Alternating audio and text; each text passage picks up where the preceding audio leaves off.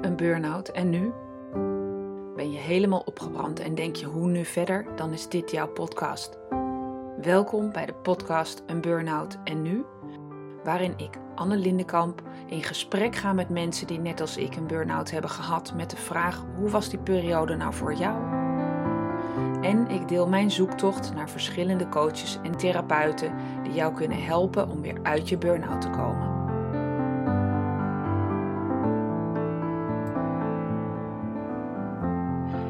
Reeks gesprekken met mensen die een burn-out hebben ervaren, deze week Wendy Fok. Wendy ging na haar studie Nederlandse taal en letterkunde aan de slag als docent Nederlands. Daarnaast werkte ze als improvisatieacteur. In 2006 startte ze bij een andere middelbare school waar ze niet alleen docent Nederlands was, maar ook lessen gaf in dramataal. Dramataal is gericht op jongeren. Opgroeien is een kwetsbare tijd in je leven waarin jongeren leren om angst, schaamte en onzekerheid te leren verbergen voor zichzelf en voor anderen. De projecten van Dramataal zijn er om ze bij te sturen en het pad te laten kiezen dat oprecht, open en kwetsbaar is. Zelf groeide Wendy op in een liefdevol gezin. Haar broer heeft ADHD en dat heeft haar al jong doen besluiten dat ze haar ouders niet te veel tot last wilden zijn. Ze werd een plusmeisje. Luister naar mijn gesprek met Wendy over de oorsprong van haar perfectionisme, het belang van veiligheid en accepteren als er iets aan de hand is. Over luisteren naar je lijf, het verlangen dat alles weer normaal is en de kracht van kwetsbaarheid.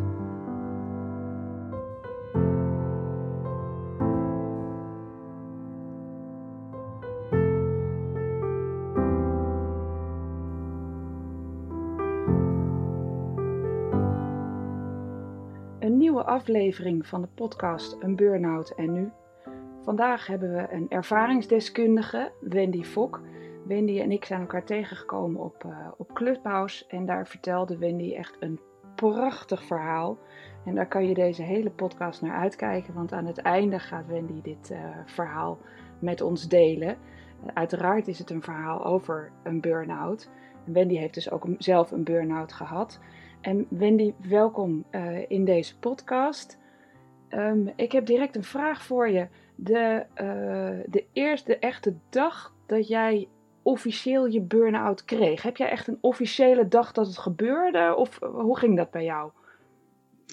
Ja, het, um, het had eigenlijk een beetje een, het had een voortraject. Want um, ik was naar de dokter gegaan omdat ik allemaal uitslag op mijn gezicht had. Ik heb eigenlijk nooit wat aan mijn huid. Dus uh, ik ben naar de dokter gegaan en ja, die wist eigenlijk ook niet wat het was. Achteraf bleek dat dat een beetje een teken van mijn lijf was, dat er iets aan de hand was. En um, ik ben, het was kerst 2017, dus 2017.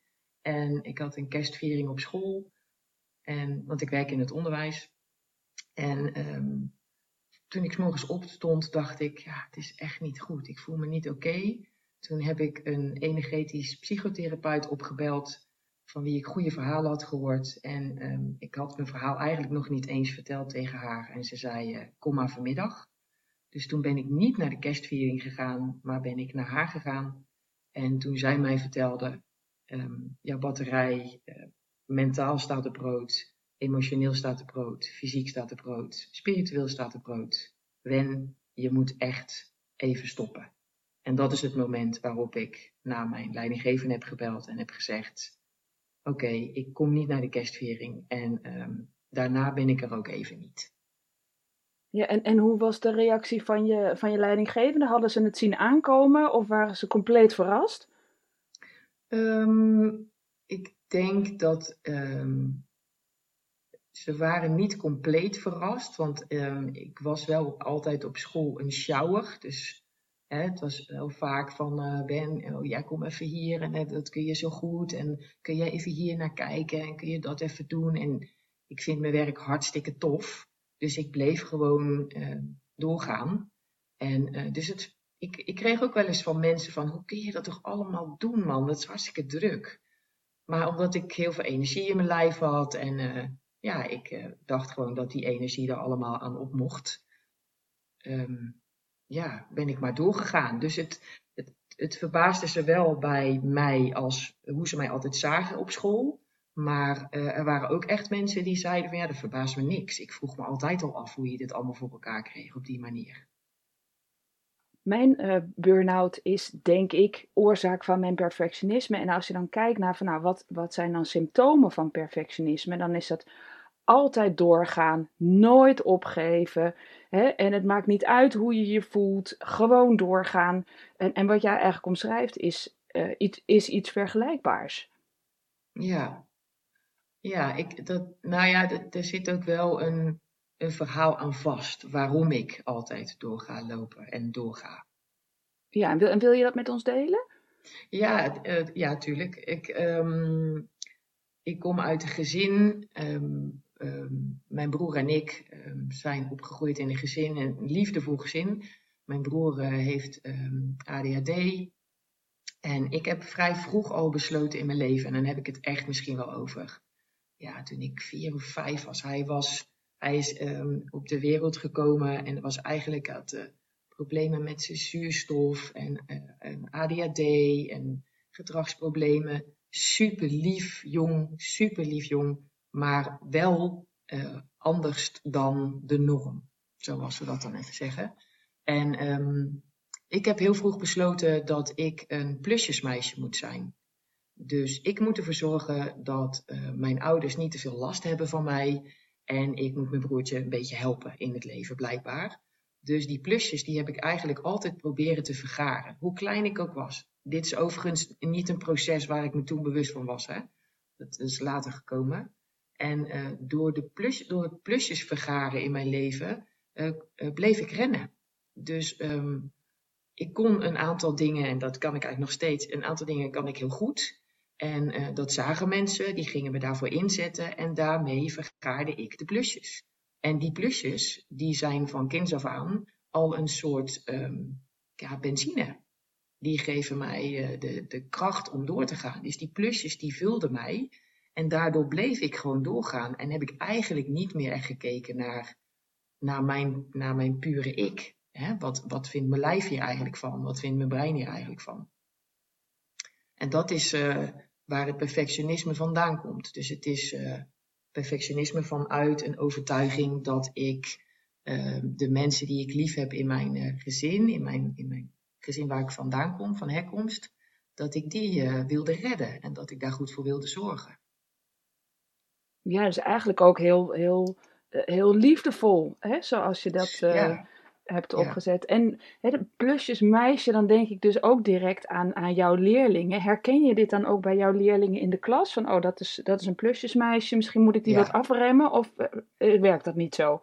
Nou, ja, zeker wel. Ik, um, uh, soms dan, dan komt het ook wel eens voorbij, hè? De, de plusjesmeisjes of plusjesjongens. En um, daarom geef ik ze ook um, juist de tools in mijn, in mijn lessen om die te herkennen en bewust te zijn van, hé, hey, waarom doe je eigenlijk wat je doet? En waarom verberg je soms wie je bent? Dus dat is, ik denk zelfs dat deze hele, uh, mijn hele leven, dus alles wat ik heb meegemaakt, wat ook best wel heftig was soms, die hebben er ook voor gezorgd dat ik het werk doe wat ik nu doe. Ja, en dat je het met zoveel passie kan, kan ik me voorstellen. Ja, het is vuur. ja. Ja, Jij bent echt even stil. denk ik echt, oh, je echt, uh, is gewoon mooi over nagedacht. Ja. En uh, hè, waar dat perfectionisme en plusjesmeisjes echt wel, uh, dat label past wel op mij, denk ik. Hè, ik ben ja. ook, ik vind perfectionisme absoluut een kwaliteit. Ik ben er ook heel trots op. Want hè, dingen die ik doe, doe ik graag en enthousiast en grondig. En ik heb ook enorm hoge kwaliteitseisen altijd. Dan is het alleen jammer dat ik de kwaliteitseisen niet alleen aan mezelf stel, maar ook aan mijn omgeving. Mm-hmm. Ja, weet je, dat, dat is misschien niet altijd even eerlijk. En wat ik in aanloop naar mijn burn-out wel uh, verloren ben, is dat ik alleen nog maar voor die ander ging. Voor, um, maar ik moet dit afkrijgen, ik moet dat nog doen en dit moet nog geregeld. En ja. dat was altijd extern, maar niet meer voor mezelf. Ja. Uh, want ik vind altijd, denk ik, kijk ik naar mijn eigen burn-out en misschien heb jij dat ook wel, dan denk ik, ja, ik heb wel voor hetere vuren gestaan dan het moment dat het echt niet meer ging.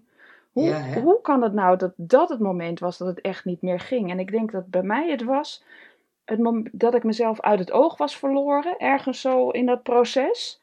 En volledig op de, de ik moet nog dit en ik moet nog dat, wat extern lag, overging. En dat heeft mij uh, zo verschrikkelijk veel energie gekost en dus opgebrand. Herken je dat? Ja, ja, zeker herken ik dat. En, en tegelijk denk ik dat daarnaast dus uh, het vergaren van de plusjes, zeg maar, dat is wel wat mij iets bracht. Dus uh, het, het bleef mij maar voeden en het bleef mij maar voeden. En dat heeft me uiteindelijk um, genekt en ervoor gezorgd dat mijn lijf moest aangeven. Ik weet niet waar je mee bezig bent, maar uh, dit werkt toch niet zo. En dat mijn lijf dus um, door middel van die uitslag op mijn gezicht een teken heeft gegeven. En ik zeg ook altijd tegen mensen als we het hierover hebben, weet je, luister alsjeblieft goed naar je lijf. Want je lijf praat gewoon. Je lijf vertelt jou uh, of je goed bezig bent of niet. Ja, maar de vraag is, kon je daar naar luisteren op dat moment? Nou ja, ik uh, was me er toen helemaal niet van bewust. Dus het, ik had iemand anders nodig, dus die energetische psychotherapeut, uh, die had ik nodig om uh, tegen mij te zeggen, ja, alles staat op rood. De, en toen zij dat zei, toen brak ik volledig en um, ja, toen accepteerde ik eigenlijk van, oké, um, ja, alles staat op rood. En toen, toen mocht ik het voelen of zo. Maar daarvoor was ik me echt enorm aan het afvragen van kan dat nou? En ik heb nooit uitslag op mijn gezicht of waar dan ook. Ik heb een super makkelijke huid. En echt dikke vraagtekens. Ik snapte er helemaal niks van. Dus zeker kon ik het niet lezen op dat moment, want ik was me daar helemaal niet zo bewust van. En als je daar dus bewuster van gaat zijn, dan, um, ja, dan is, daarom, hè, ook als je het niet hebt meegemaakt, als je iets mankeert, dan zitten daar ook heel vaak uh, dingen achter die, uh, ja, dat, het is de, de, taal van het lichaam. Iets, iets wordt jou verteld. Ja, ik ben het helemaal met je eens. Ik, ik zit nog te denken, en hey, je zei van toen die uh, therapeut vertelde, toen accepteerde ik het. En toen dacht ik, ja, daar zit natuurlijk ook de crux. Het moment ja. dat je accepteert dat, ja. dat, uh, dat er iets anders aan de hand is dan dat je huid ineens slecht is. Ja, uh, zeker. Uh, en hè, mijn programma gaat heel erg over als je net bent opgebrand, je batterij net is opgebrand, um, dat je dan echt weer moet gaan opladen, die batterij weer moet gaan opladen. En waarom hamer ik daar nou zo op? Als je lichaam fysiek opgebrand is, um, dan heb je dus geen mineralen meer tot je beschikking. Je kan je vitamines niet meer opnemen. En dan ja. krijg je huiduitval, bijvoorbeeld uh, ja. hè, je huiduitval, of ik bedoel eigenlijk je lichaamuitval. Dan kan je huid het ja. zijn, je kan uh, je hersens doen het gewoon, fysiek doen je hersenen het gewoon niet meer optimaal. Uh, nee. Ik kon bijvoorbeeld heel slecht dingen onthouden nog en ik kon niet meer relativeren. En had jij dat ook, dat je niet, daar moeite mee had? Nou, heel vergeetachtig was ik ook. Ja. En, ik, en op dat moment, toen zij het zei, dacht ik ook, oh, ik heb in september, hè, dat was dan een paar maanden ervoor, toen heb ik nog tegen mijn moeder gezegd van, ja, op een of andere manier zit ik niet helemaal lekker in mijn vel. En dat was één zinnetje. En daarna ben ik gewoon weer doorgegaan met alles. En uh, toen ik dus bij haar uh, wegliep, toen zat ik in de auto en ik was alleen maar aan het huilen, want ik dacht echt, wat gebeurt hier allemaal? En toen dacht ik, ik heb het, ik heb het al, ik, ik heb het geweten. Ik heb het ook al uitgesproken. Ik zit er niet lekker in. Er, is iets wat ik niet kan duiden, maar er is wel iets. Dus um, ja, ergens in mijn achterhoofd was het al wel aanwezig, maar heb ik het gewoon niet willen zien. Ja, dat had ik ook heel sterk. Ik wist ook van, nou, dit is gewoon niet oké. En ik ging ook steeds uh, meer manieren om productiever te werken, uh, uh, daar ging ik naar op zoek. Hey, hoe kan je efficiënter je mailbox doen en hoe kan je beter dat doen? Uh, omdat mijn werk steeds langer duurde voordat het af was. En dat was natuurlijk ook een teken dat mijn hersens gewoon niet meer optim optimaal functioneerden. En in plaats van toen rust te nemen, want dat, dat zag ik niet dat ik toen rust moest nemen. Ik dacht alleen maar nee, ik moet dus harder werken om datzelfde werk te verrichten. Uh, waardoor ik natuurlijk nog, uh, nog verder naar beneden ging. Hey, en we hebben het nu over de aanloop er naartoe. En hoe was voor jou die dag daarna? Dan zit je dus thuis, dan ben je opgebrand. En dan, ja, en dan? Um, nou, ik had wel, ik had ook een, een vorm van ongeloof in mijn systeem. Dat ik echt dacht van, ik hè, ik, ik ben altijd sterk en ik ben altijd, ik, hè, niet te stoppen. En mensen bestempelen mij ook altijd als een sterke vrouw. En ik, ik zit thuis. Hoe dan? En ehm, ik vond het ook wel een beetje, ehm, ja, alsof je niet begrepen wordt of zo. Een beetje dat je denkt van ja, maar niemand snapt hoe ik me dus voel. Als ik helemaal op ben, ja, een beetje alleenig. Want je weet ook niet zo goed van ja, wat, wat moet ik hier nou mee? Ik je gaat ook niet uh, naar buiten en dan zeggen: hé hey man, uh, zullen we even praten? Want ik ben denk ik overspannen of ik heb een burn-out. Dat is ook niet wat je op dat moment doet. Want dan ga je. Ik ging heel erg gewoon op de bank. Um, ja, even kijken wat het met me deed. En even. Ja, waar, waar even conducten, echt. Wat, wat ga ik met deze info eigenlijk doen? Ja, want had jij, zou je naar buiten gegaan zijn? Stel je had de fut, zou je naar buiten zijn gegaan en gezegd hebben: hé hey joh, ik heb een burn-out? Want ik schaamde me daar echt. Ik voelde me echt slappeling. Ik dacht echt, nou, ik ben dus, dus degene die ik eh, onbewust altijd veroordeeld heb. Kennelijk heb ik dus altijd een heel sterk oordeel gehad over iemand die, die het niet redde. Al wat zielig. En daar, mm daar zat ik ook mee. Ja, dat, dat, had ik, uh, dat had ik niet eigenlijk. Het is niet dat ik me ervoor schaamde, want um, ja, in, in, mijn, in mijn werk gaat het heel erg over de kracht van de kwetsbaarheid. Dus ik wist, ja, dit is ultieme kwetsbaarheid. En um, ik, ik ga hiervan leren. Dit is ook, dit, daar gaat ergens ook een kracht spelen die, die ik ook niet ken. Want de burn-out kende ik ook niet. Dus de kracht die daarbij hoorde, die kende ik ook niet. Dus um, het is niet dat ik mezelf heel erg um, het kwalijk nam of mezelf enorm um, schaamde daarvoor. Uh, wat ik wel heel erg voelde, en dat zei ik ook hè, wel tegen mijn man en tegen, tegen mijn ouders bijvoorbeeld, van nou ja, weet je, het is nu toch kerstvakantie. Dus dan uh, kan ik na de kerstvakantie kan ik wel weer gewoon aan. En? Nee, natuurlijk niet. Nee, dat, en mijn moeder zei toen al, Wen, echt serieus, na de kerstvakantie, je bent gek, dat, weet je, neem gewoon je tijd. Nee, ja, en, en toen merkte ik ook al gedurende die vakantie van, nee, dat gaat hem echt niet worden. En toen um, ja, toen ben ik eigenlijk best een lange tijd thuis gebleven. En toen was het bijna weer uh, carnavalsvakantie. En elke vakantie, hè, want het gaat natuurlijk, als je op een school werkt, dan heb je gewoon regelmatig de schoolvakanties. Dus ik merkte dat ik van het ene naar de andere vakantie ging. Van nou, dan is het niet deze vakantie uh, waarna ik weer ga werken, maar dan wordt het vast de volgende vakantie waarna ik dan ga werken. En uiteindelijk duurde dat vrij lang, kan ik je melden. Dus we hebben het echt zomervakanties. Uh, nou ja, we hebben, uh, ik, ik, uh, na de kerstvakantie kwam de carnaval en de mei en de zomervakantie en de herfstvakantie. En toen schoven we langzaam naar de kerstvakantie. En toen dacht ik, dus toen was ik echt al een jaar thuis. Toen dacht ik wel, oké, ja, ik voel nu wel dat ik na deze kerstvakantie wel weer aan kan. Maar niet op de manier zoals ik deed. Dus ik ben ook echt met, uh, met mijn werk als eh, docent Nederlands in middelbaar onderwijs. Daar ben ik gestopt. En ik ben vanuit daar volledig in mijn, um, in mijn eigen bedrijfje gaan werken. Wat ik toen deed als parttime. Dus dat deed je er nog naast. Je was en lerares en bevlogen de, uh, lerares zoals ja. ik uh, hoor. En dan had je ook nog een eigen bedrijf.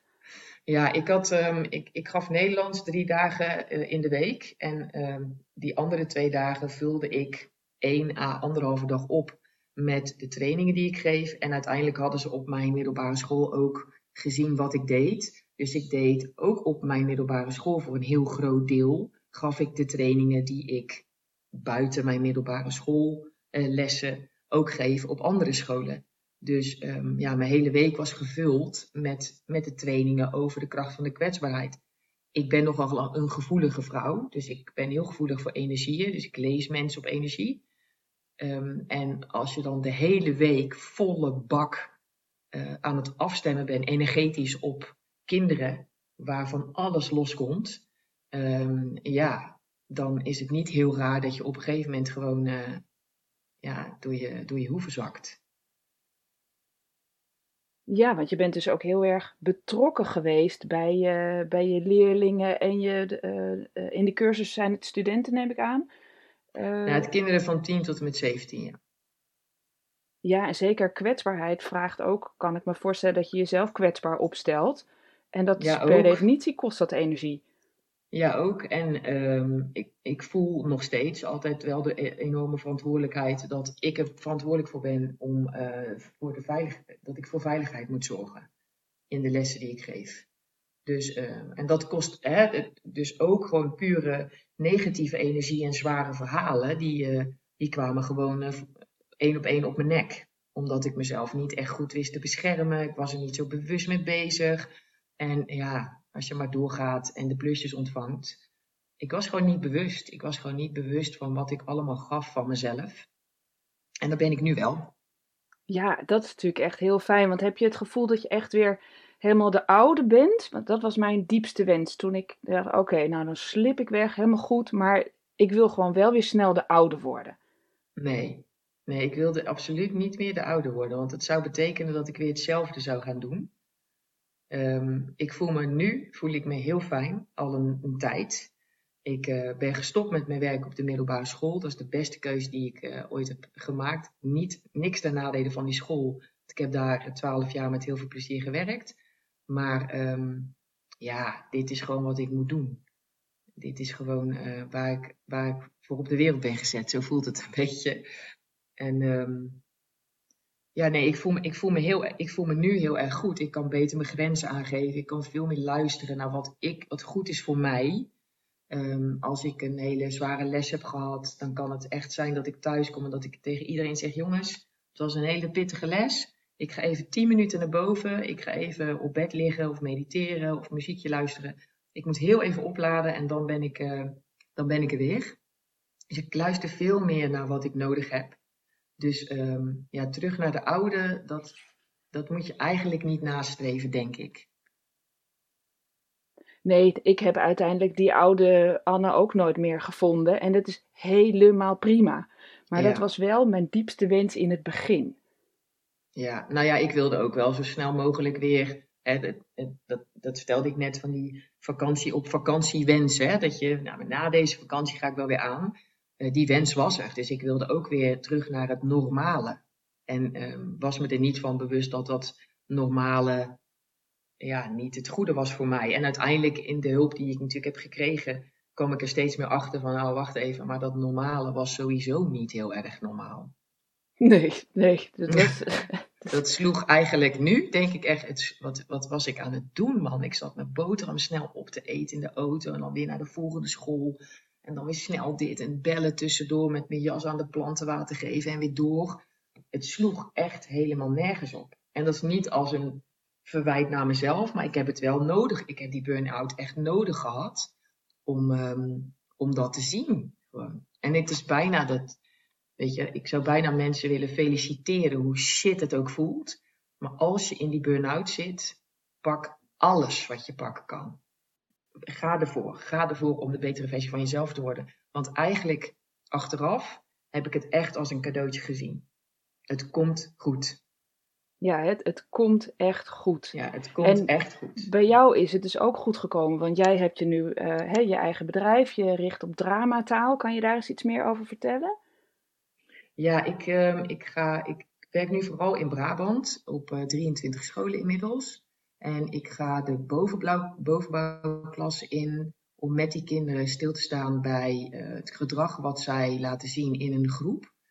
Want uh, dat verschilt nogal. Hè? Thuis- en schoolgedrag is in, ja, bij heel veel kinderen toch echt wel een groot verschil. En we gaan kijken uh, naar ja, waarom doe je eigenlijk wat je doet en waarom verberg je wie je bent. Dus nou ja, je kunt zelf ook misschien wel verzinnen welke facetten dan allemaal aan bod komen. Dus je kunt ja, het zo gek niet verzinnen, het komt allemaal aan bod. En um, mijn achtergrond is een, ik ben ook improvisatieacteur.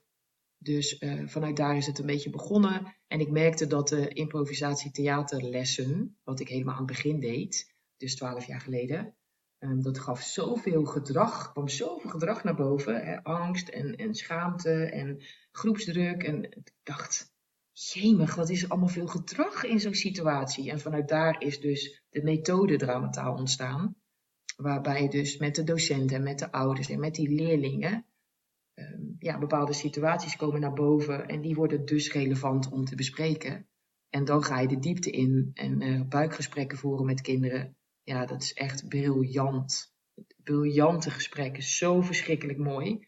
En omdat mensen niet in mijn les kunnen komen om te zien, want dan zou de veiligheid niet meer gegarandeerd zijn, schrijf ik dus verhalen daarover. En die deel ik om mensen zo dicht mogelijk uh, bij te halen en te laten lezen of te laten horen wat het is, wat, ik, wat, wat, wat we doen. Ja, en dat, dat verhaal, dat triggerde mij enorm om jou ook als gast te vragen voor deze aflevering, hè, voor deze podcast, is, want het was een verhaal over burn-out, um, ja. maar zo logisch en eenvoudig uh, geschreven. Nou, het raakte mij echt als ervaringsdeskundige, dacht ik, dacht, ja, zo is het precies. Uh, ja. Dus ik, ik, kan me voorstellen dat over andere onderwerpen je ook zo uh, raak en eenvoudig het, uh, het probleem bespreekbaar kan maken. Ja, ja dat is wel wat ik, wat ik vaak terughoor, eigenlijk. Ja. ja, en mag ik je vragen om het verhaal met ons te delen? Zeker. zeker. Heel ik fijn. Heb hem, ik heb hem klaarstaan. Komt-ie. Mam, Ilse heeft een burn-out. Sarah en ik zitten in de auto op weg naar gitaarles. Wie? Ilse? Uit jouw klas? Ik kijk mijn dochter van negen aan en ik voel één wenkbrauw omhoog gaan. Ja, haar verkering met Niels is uit en daarom heeft ze gisteren een burn-out gekregen. Ze moest alleen maar huilen. Daarna vertelde dat uit de klas. Burn-out, been there, done that, got the fucking t-shirt. Weet je eigenlijk wat een burn-out is? Vraag ik graag. Natuurlijk weet ze dat niet. Ze is negen. Stel je toch voor. Ik pak een van de haarelastiekjes die om de versnellingspook zit en span het om het middenconsole van de auto. Zo'n soort plateautje tussen de twee voorste stoelen in. Zo, die zit er strak omheen, observeert Saar. We concluderen dat het elastiekje er heel strak omheen zit. Denk je dat we tussen het console en het elastiekje nog spulletjes kunnen duwen? Vraag ik haar. Ik pak een leeg waterflesje en prop het ertussen. Past. Saar pakt een plastic broodzakje van de grond. Ja, zo'n auto heb ik. En stop het onder het elastiekje. Past ook. Een leeg kauwgompotje. Het wordt lastig, maar het past. Hij breekt bijna mam. Een handschoen. Past. Lollystokjes passen. Opladen van de telefoon. Past. Mam, hij knapt zo. Nog een plastic zakje. Past. Natuurlijk, het is proppen, maar een pen past ook. En we maken een toren van 15 centimeter hoog. Het past. Allemaal. En nu? Saar kijkt me aan. We laten het even zo. Jij gaat naar de gitaarles en ik ga boodschappen doen. Ik haal je straks op en dan kijken we hoe het met het elastiekje is. We geven elkaar een kus. Een uur later stapt Saar vol verwachting de auto in. En? Hoe is het met het elastiekje? Ik hou mijn schouders op. Ik heb geen idee. Volgens mij houdt hij alles nog prima bij elkaar.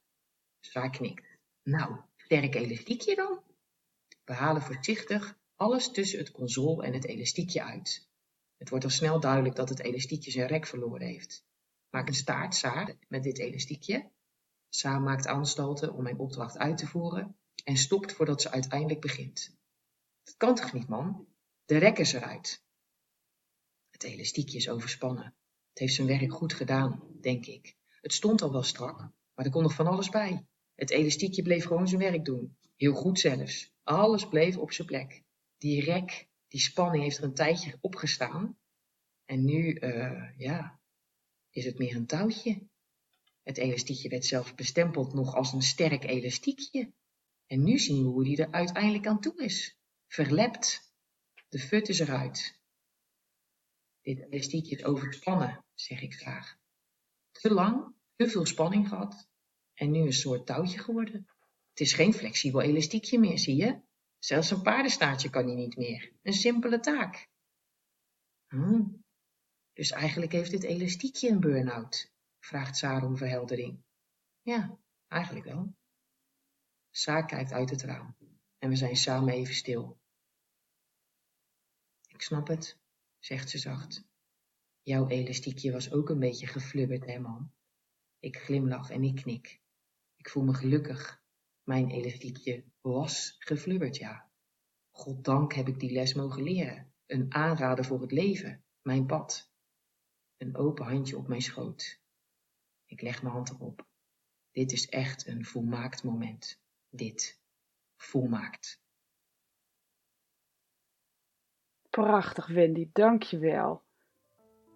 Ja, geen dank. Je hebt nog meer van dit soort verhalen. Waar kunnen mensen die vinden?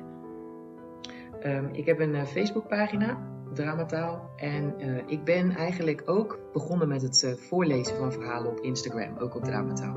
Dus daar komt elke week nu een, een verhaal waar ik in voorlees. Ik ga daar naar luisteren. Dankjewel. Is helemaal goed. Dankjewel. Dit is alweer het einde van de podcast Een Burnout en Nu. Fijn dat je luisterde. Deze podcast is onderdeel van mijn missie. Ik help graag zoveel mogelijk mensen bij het zetten van die eerste stap van herstel als je helemaal bent opgebrand. Wil jij ervaren hoe ik jou kan helpen? Maak dan een afspraak op de website eenburnoutennu.nl. Daar kan je ook mijn gratis e-book downloaden met 11 tips voor meer energie. Weet jij een bijzonder persoon of een bijzondere therapie die anderen zou kunnen helpen bij hun herstel? Laat het me weten. Je kan me vinden op Facebook of Insta onder Anne Lindenkamp en stuur me dan direct een DM of ga even naar de website eenburnoutennu.nl slash contact. Hoor je nou graag meer van deze inspirerende gesprekken? Abonneer je dan even, dan hoef je niets te missen. Tot de volgende aflevering.